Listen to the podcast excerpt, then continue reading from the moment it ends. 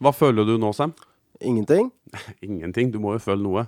Nei, men det er sjelden at jeg driver og maser og sipper om mine egne følelser. Så jeg tror, ikke, helt- jeg tror ikke på deg. Jeg tror du har masse følelser, men at du vil ikke vise dem. Og her i fengsel så er det jo litt sånn uh, fengselsmasker er på, og yes, du skal ikke ha noen følelser, og alle skal bare gå rundt og være sint. Nei, men Det er ikke sånn at vi sitter i gruppe og holder hverandre i hånda og snakker om våre følelser, så Har ikke du vært med på den Kumbaya-gruppa?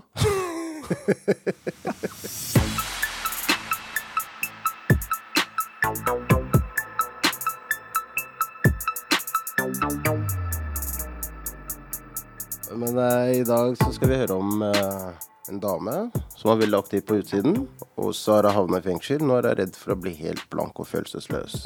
Og så skal vi jo ta turen til Eidsberg fengsel, hvor vi skal få møte Rune Cato, som har en uh, altoppslukende følelse, som har tatt over livet hans faktisk, og sørga for at han har havna i fengsel. Men først så skal vi få høre litt om følelsene til gutta her i Oslo fengsel.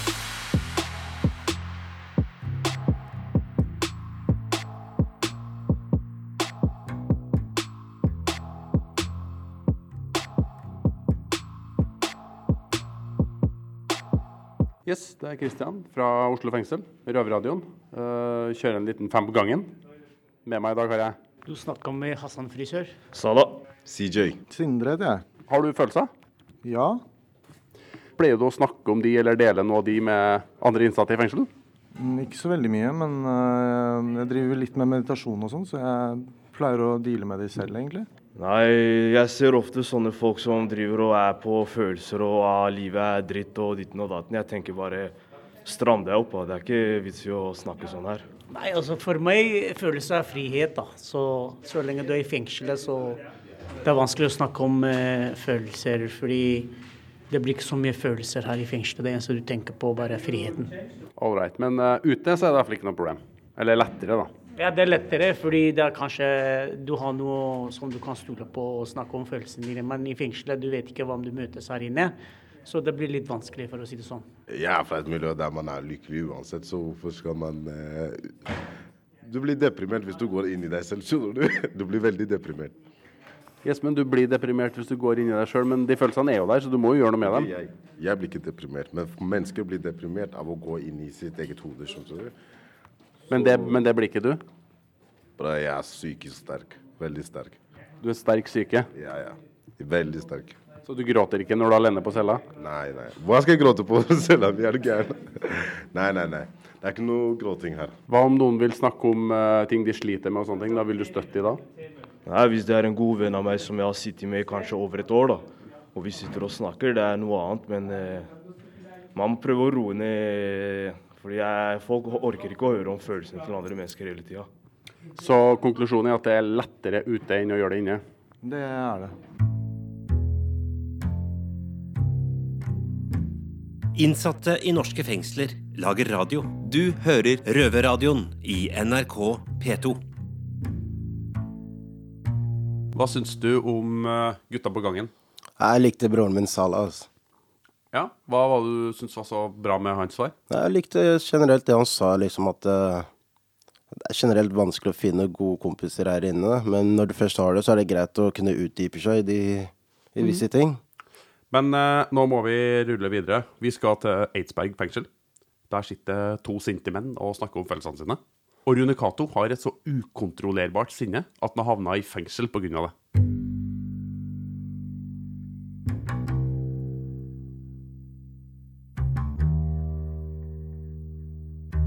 Jeg heter Marius.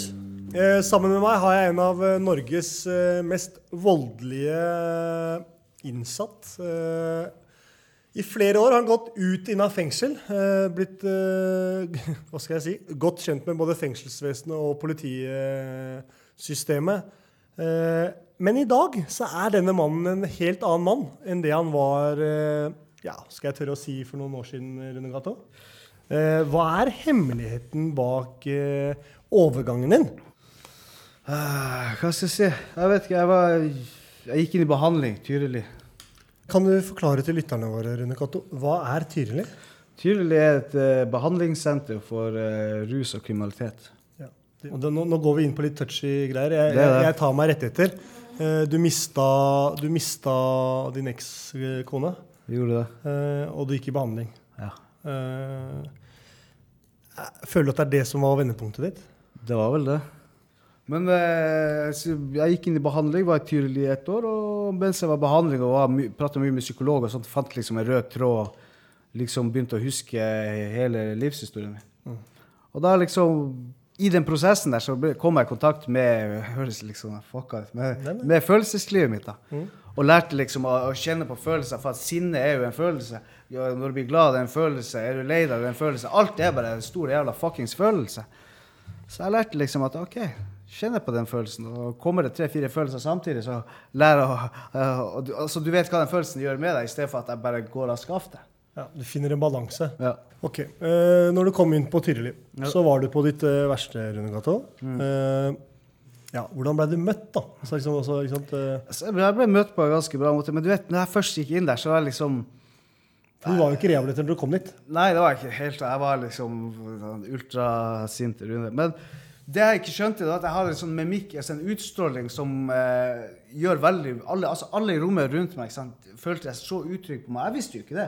At jeg hadde liksom en sånn utstråling så, så gjorde folk veldig, veldig nervøse. De sa jeg var helt svart i blikket og sånn. Men i hvert fall så, etter jeg hadde vært der eh, noen måneder, sånn, så begynte jeg å bli veldig kjent med de som jobba der. og sånn.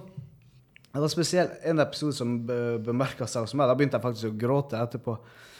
For at hun, hun var så snill mot meg hele tida. Liv heter hun. Jobber på Tyrli. Hun var så jævla snill mot meg hele tida. Du vet, hun forsto meg sånn. Hun har vært en røver tidligere òg. Ja. Vært ute i, i gamet og sånn.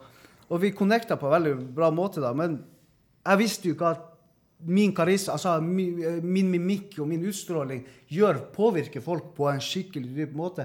Og det visste jeg ikke. for at når jeg ble frustrert, ikke sant, krangla litt med kjerringa på telefonen og sånn, og, og, og, og så hadde, husker jeg sånn der, de hadde Vival til meg, sånn der, jeg kunne ta for å roe meg ned. ikke sant? Og så kom jeg bare inn og sa jeg bare, jeg, jeg trenger noe for å roe meg ned. ikke sant? Så gikk vi opp på det medisinrommet, skulle jeg få utdelt. ikke sant? Jeg visste ikke at hun var så redd. Altså, Hun sto skalv inni seg. Og jeg sa bare, jeg bare gi meg nå, jeg må roe meg ned, for jeg tror jeg skulle klikke. ikke sant? Og bare, «Ah!» Og så fikk jeg en pila meg, så gikk det sånn to-tre minutter, så bare buff, gikk trykk ut av kroppen. For jeg føltes ut som noen helte bensin på meg, tente fyr på meg. Sånn utstråling hadde jeg. Og det føltes sånn inni meg. Men i hvert fall så etter det her så gikk jeg ned og ro, var, begynte å roe, ro meg ned. og liksom... Så fikk jeg høre av, eh, av uh, hun Liv etterpå, hun kom og prata med meg. Så jeg fortalte henne liksom hvor redd hun var. Hun sa hun hadde aldri grinet noen gang og aldri vært så redd noen i sitt liv. For hun har jobba i den stiftelsen i 30 år og jobba med så mye. For at når hun sto der liksom og knakk sammen og gråt og sa at hun ble så redd, det gjorde noe med meg. For jeg visste ikke det. Jeg, jeg trodde hun forsto meg og så meg på alle mulige måter. Vi forsto hverandre også. Men hun var så redd meg når hun sto der. Hun bare ga meg medisin og håpet på jeg skulle roe meg ned. Og da skjedde det et lite klikk oppi hodet på meg som fikk meg til å liksom begynne å tenke på åssen andre folk ser meg. Og akkurat det påvirka meg, for hun betydde veldig mye for meg. Hun var der når kona mi døde, og sånn, vært der hele tida for meg. Men at hun skulle stå der og være redd, og hun begynte å grine og var helt nervesammenbrudd etterpå, det, det gjorde noe med meg. Eh, jeg selv eh, vokste opp eh, veldig likt deg. Alltid vært veldig sint. Psykologer, barnevern, BUP. Altså alle har kommet inn distanse kommet for å prøve å finne ut av det sinnet. Det måtte jeg klare å finne ut av selv. Eh, I, min, I mine tilfeller så var det mye sinne rundt min oppvekst, foreldre, svik, eh, som, som bare fulgte etter meg. og og som, bare, som gjorde at jeg blei, som du også nevnte tidligere, eh, blei bare et produkt, en, en ressurs for det kriminelle nettverket, med at du brukte aggresjonen din. Ja, Eh, men har du noen gang tenkt over, eller har du noen gang fått svar for deg selv hvor sinnet ditt kommer fra? Altså hvor det stammer fra? Ja, så sånn egentlig den er litt dyp. Sånn, ja, det er på, det, Sinnet har vært me- mer på meg sjøl. Sinnet på deg selv. Ja, rett og slett på grunn av um, Jeg var vel sinna på mamma og pappa, da. Ja, jeg, jeg Nei, jeg vet ikke, altså, Når du har gjort så mye faenskap, ikke sant, og du har vært og, og du har banka når du starta, begynt med det jævla narkotikaen, du tar litt her, tar litt der, og så, og så, så har du fått betalt ikke sant, for å dra og skyte en kar i foten, og så har du gjort de her tingene. ikke og, Men til syvende og sist altså, Du ikke lar deg sjøl kjenne på at hei, det, det er ikke noe kult å stikke ut øyet på en Kjell. ikke sant? Det var ikke noe kult å skyte i foten på en Gunnar. Nei, men altså sånn, de følelsene, Man, man sperrer seg sjøl så langt inne at liksom man blir følelsesavstumpa. Det gjør deg til sinna menneske. For at når du da kjenner på følelser i senere tid, så blir du veldig sint. Og, og det er liksom mer, mer du går i det her, jo mer sint blir du. Ja. Det, er, det er jo litt sånn øh, Vi smiler jo godt nå, begge to, øh, når vi snakker om følelser. Det er jo litt sånn hysj-hysj. ikke sant? ja. skal ikke snakke så mye om følelser. Men, men det er en jævla viktig del. Altså, er viktig del. altså, skal du ha selvkontroll og være selvbeherska person, så må du, må du kunne håndtere følelsene dine og, og i hvert fall kjenne på. For at, eh, sånn som du, altså jeg, jeg Etter jeg gikk ut av Tyrli, så har jeg ikke vært ordentlig sint siden. Altså, de tok fra meg sinnet mitt. På grunn av at de ga meg den nøkkelen til å liksom låse opp i det greiene og lære å kjenne på det. Blir jeg glad, jeg blir glad. Blir jeg lei meg, jeg blir lei meg, liksom. Og tør, tør å kjenne på følelser. Nå er jo, nå er det jo tobarnsfar. Eh, nylig bakt eh, pappa også. Gratulerer igjen. Ja, takk skal du ha. Eh, jeg vil jo også sikkert eh, tørre å si at det Jeg har jo barn selv.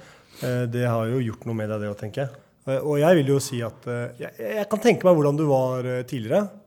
Men jeg, jeg kjenner jo deg på en helt annen måte. Du er jo en utrolig rolig, hyggelig mann. Er så- som er veldig engasjert, og viser også engasjement i de tingene du blir engasjert i. Ja. Jeg er glad for at jeg har greid å, komme meg så langt som jeg har kommet nå. Ja, bra. Så- Poenget er eh, vi, vi, vi blir jo veldig følelsesmessig kalde med åra eh, når vi holder på med den type kriminalitet som vi Ja. har holdt på med i alle år. Og det, og det er en stor jobb å, løsne opp. på Det er en stor jobb, og jeg tenker, jeg husker eh, når jeg fikk sønnen min for uh, ni år siden Eller ikke jeg, men da når han kom til verden, i hvert fall. Uh, så husker jeg sa til meg selv at uh, For da, da, da var det første gangen jeg gråt sånn ordentlig. Eh, og så ble jeg sånn jævla frustrert. Hvorfor gråter jeg nå? Altså, hva faen? Ja, jeg, skal, jeg skal jo være glad. Altså, Hvorfor griner jeg? Stram deg på.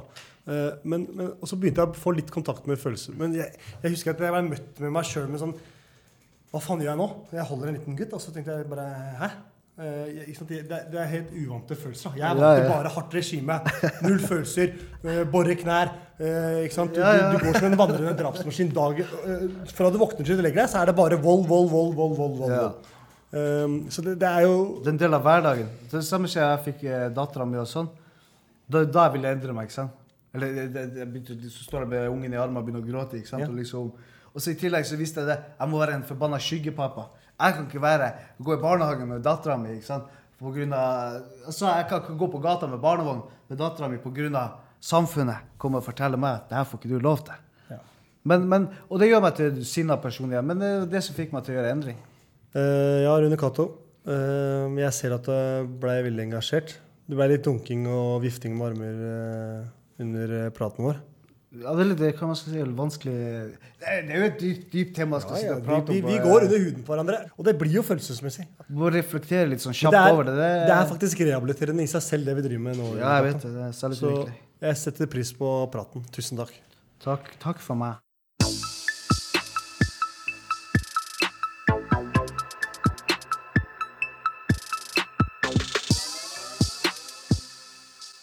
Ja, det var to sinte menn. Kjenner du deg igjen, du, Sam? Ja, jeg gjør det. Han er jo kanskje i overkant forbanna, eller har vært, kan vi jo si. Nå går det jo heldigvis mye bedre med han. Han har fått litt behandling og litt sinnemestring og litt sånne ting.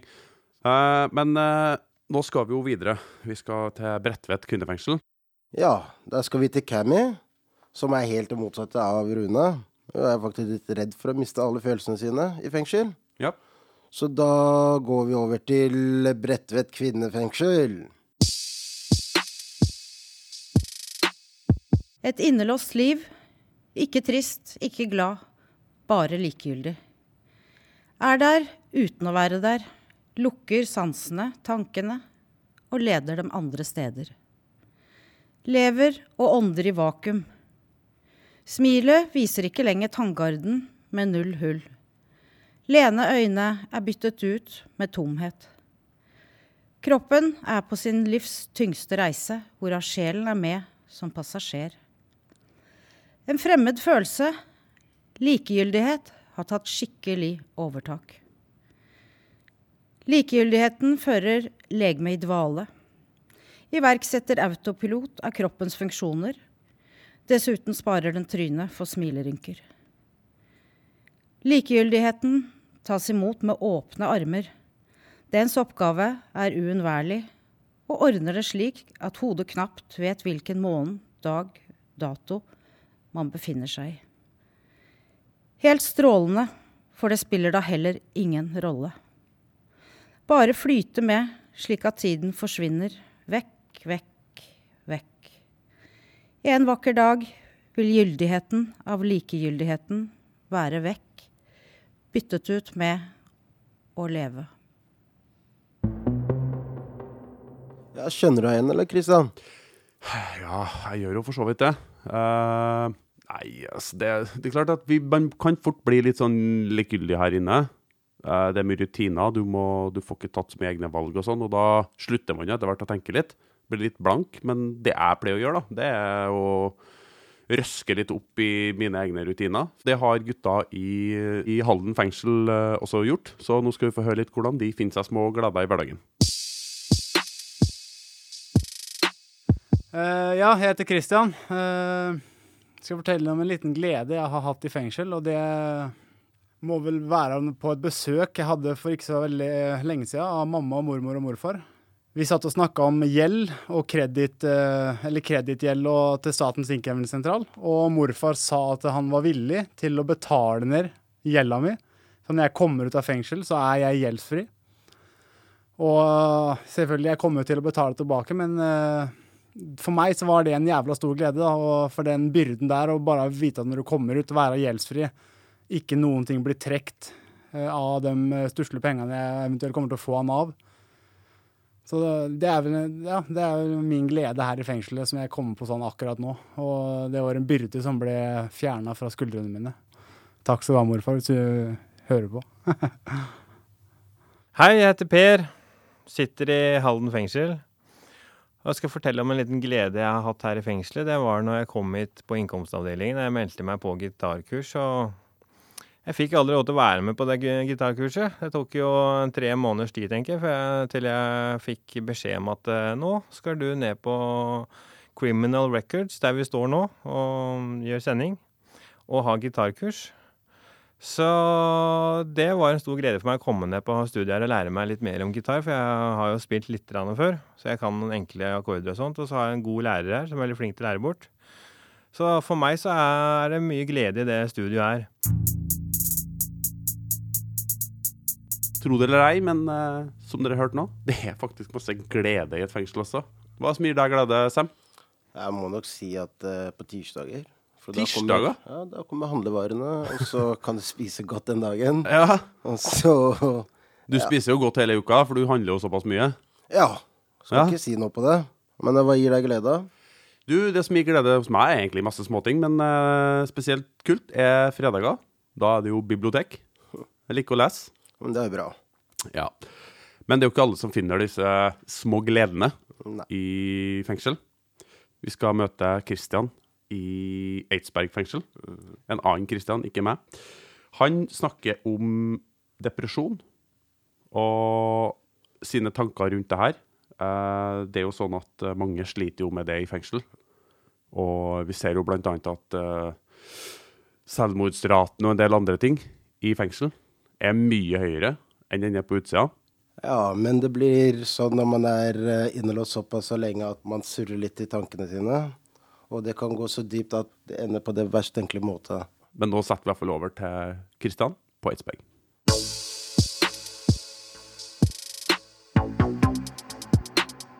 Velkommen til Røverradioen. Vi er på Eidsberg fengsel. Dette er Mike. Her jeg sitter med Kasim og eh, Christian. Hei. Du har blitt eh, isolert. Du har vært, vært isolert. Kan du Ja. fortelle litt mer eh, rundt om det?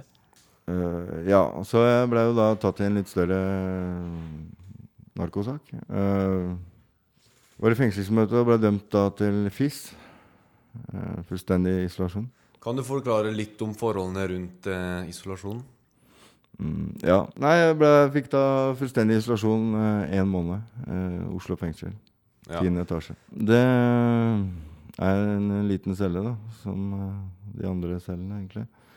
Eh, dette var sommeren. Det var eh, varmt. Du våkna klissvåt eh, av svette. Du kunne vri opp dyna di. Det var som å sitte i en pizza, pizzaovn. Eh, uten klokke. Jeg hadde ikke TV, ikke radio, ikke noe å lese på.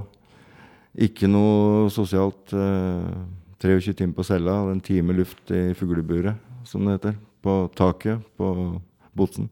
Hvordan, hvordan var hver- hverdagen din? Hvordan var rutinen din? Hvordan ja.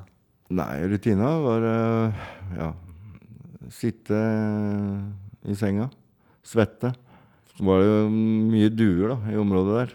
Så jeg begynte å presse brødsmuler ut av de små hulla som er i gitteret.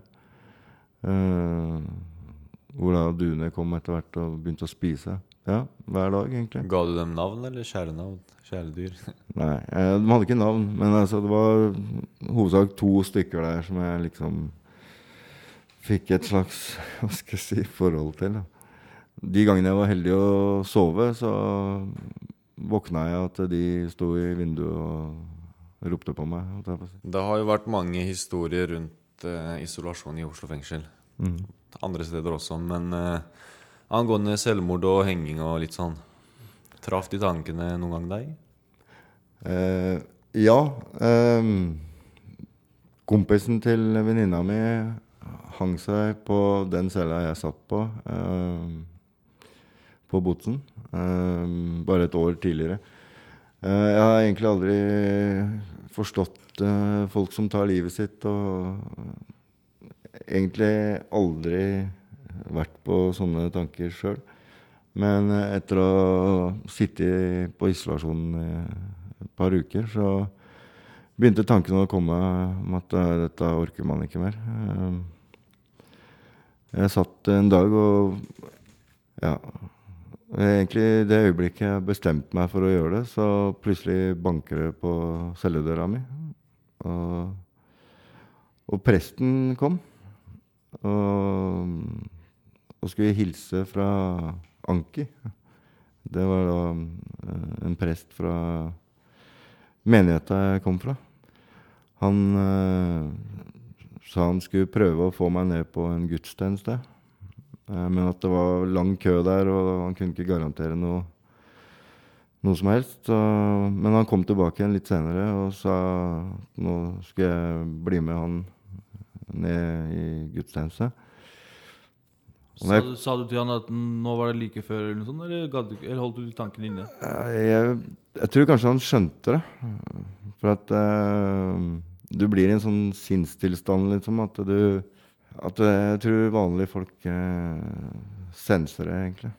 Eh, så du Det er vanskelig å forklare, for man blir eh, Man kommer inn i en sånn situasjon eh, hvor du ikke kjenner deg sjøl, nesten. For at eh, du får tanker du aldri har hatt. Og, og på isolasjon så får du tenkt gjennom ting eh, både én og to og tre ganger. Eh, Jeg hadde jo medieforbud og alt mulig, så jeg satt jo bare der med tankene, egentlig. Det var Hvor lenge satt du? en måned. Hvis du, hvis du, hvis du hadde vært liksom i styret, eller hadde hatt noen tråder å trekke i, og du var på utsiden, hvordan kunne du ha hjulpet de som satt i isolasjon? Hva, hva syns du burde bli forandret, og hva burde bli annerledes? For, først så tenker jeg at uh, isolasjon uh, er tortur. At det ikke skal være lov i norske fengsler. Uh, skulle jeg kunne endre på noe for noen som blir satt på isolasjon likevel, så ville jeg vel kanskje i hvert fall gitt de DVD-spiller at de fikk klokke, så de kunne vite hvilken tid på døgnet det var. Prata med dem kanskje den timen du er ute på luft, og ikke bare låst dem inn i buret og, og gått. Eh, for jeg skjønte heller ikke hvorfor han hang seg, han kameraten jeg snakker om. Eh, for han ble tatt med så lite. Altså, han ble tatt med en kilo eller to. Og det tenker jeg er ikke verdens undergang. Men etter å ha sittet sjøl på isolasjon, så forstår jeg Eller etter hvert så gikk det over til at dette her orker du ikke mer. Du ja, har lyst til å avslutte det. Jeg leste på SVT, på tekst-TV, den svenske kanalen, så sto det at de siste elleve årene så er det ni stykker som har hengt seg i fengsler i Sverige. Mm. Men i Norge så tror jeg tallene er litt høyere. Mm. Det tror jeg på. Hva, hva tror du er forskjellen der? Hva, hva tror du det kan komme av? Vanskelig å si, men øh, Eh, så hvis du havner på FIS, som det heter, da, fullstendig isolasjon, eh, så setter det egentlig tankene dine Du setter deg sjøl ut, tror jeg, eh, rett og slett. Men du tenker deg i hjel, da. Eh, du tenker så mye uten å kunne ha noe å forholde deg til. Da. Du veit ikke hva som skjer på utsida. Eneste du veit, er at du har ikke noe sted å bo lenger. Du treffer ikke sønnen din igjen. eh, I hvert fall ikke på lenge. Eh, Du mister eh, jobb, leilighet Altså, du mister alt du har. Eh, Det er liksom ikke noen lyspunkter noe sted. Du er bare helt overlatt til deg sjøl. Du bare sitter der. Titter ut i lufta. Det er Det eneste du ønsker til slutt, er å komme deg ut av det. Få slutt på det. Mm. Ehm, du er jo her i dag, Kristian. Hvordan, hva skjedde etter at pressen snakka med deg? Ehm, det som skjedde når jeg kom i den gudstjenesten, um, det var det at eh, Plutselig så var det masse folk. Jeg fikk kaffe. Jeg fikk uh, pepperkaker. Eller småkaker. Ehm, eh, hele gudstjenesten dreide seg om meg, da. Fordi presten og, og de som var med presten i gudstjenesten, hele tida liksom fikk øyekontakt med meg. og liksom Presten snakka om at man kunne gjøre feil flere ganger og få tilgivelse. og uh,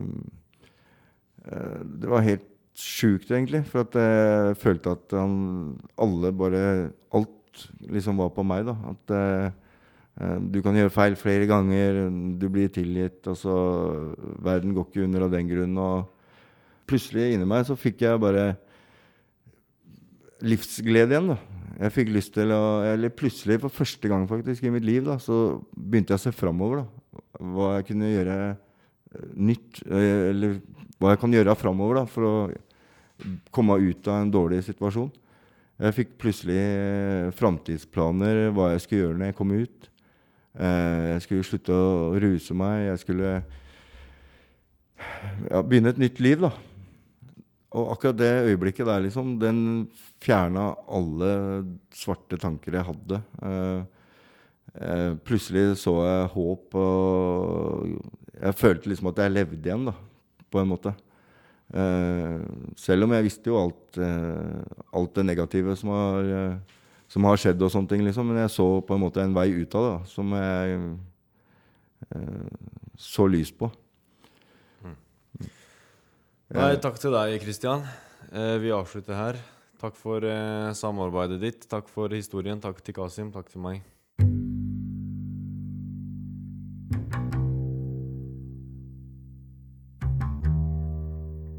Godt det gikk eh, bra med deg i hvert fall, Kristian. Eh, det var en eh, dyp og veldig personlig fortelling. Jeg ønsker å takke for at du valgte å bli røveren vår istedenfor.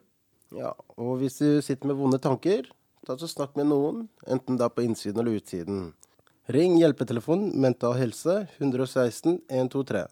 Ja, Dagens sending har jo vært en eh, berg-og-dal-bane av følelser. Mye glede, depresjon, sinne og uh, likegyldighet. Tøffe gutter gråter, eller hva, Sam? Nei, eh, det er jeg faen ikke enig i. Men uh, du får si og mene hva du vil. Ja. Uh, hvor kan du høre oss? Du kan få høre oss på P2 lørdager halv fire, eller på podkast når du vil og hvor du vil. Yes. Hva skal du etterpå, Kristian? Du, etterpå så skal jeg lage en quiz, faktisk. Vi skal ha quiz en eh, dag her. Med masse fancy premier. Så jeg skal lage den etterpå. Det er planen min. Jeg gleder meg. Hva skal du gjøre? Hva jeg skal? Mm. Nei, nå skal jeg gå og spise og sove. Spise og sove. Ja, men det er ikke det verste. Snakkes. Peace out. Røverradioen er laga for og av innsatte i norske fengsler. Tilrettelagt for streitinger av Rubicon for NRK.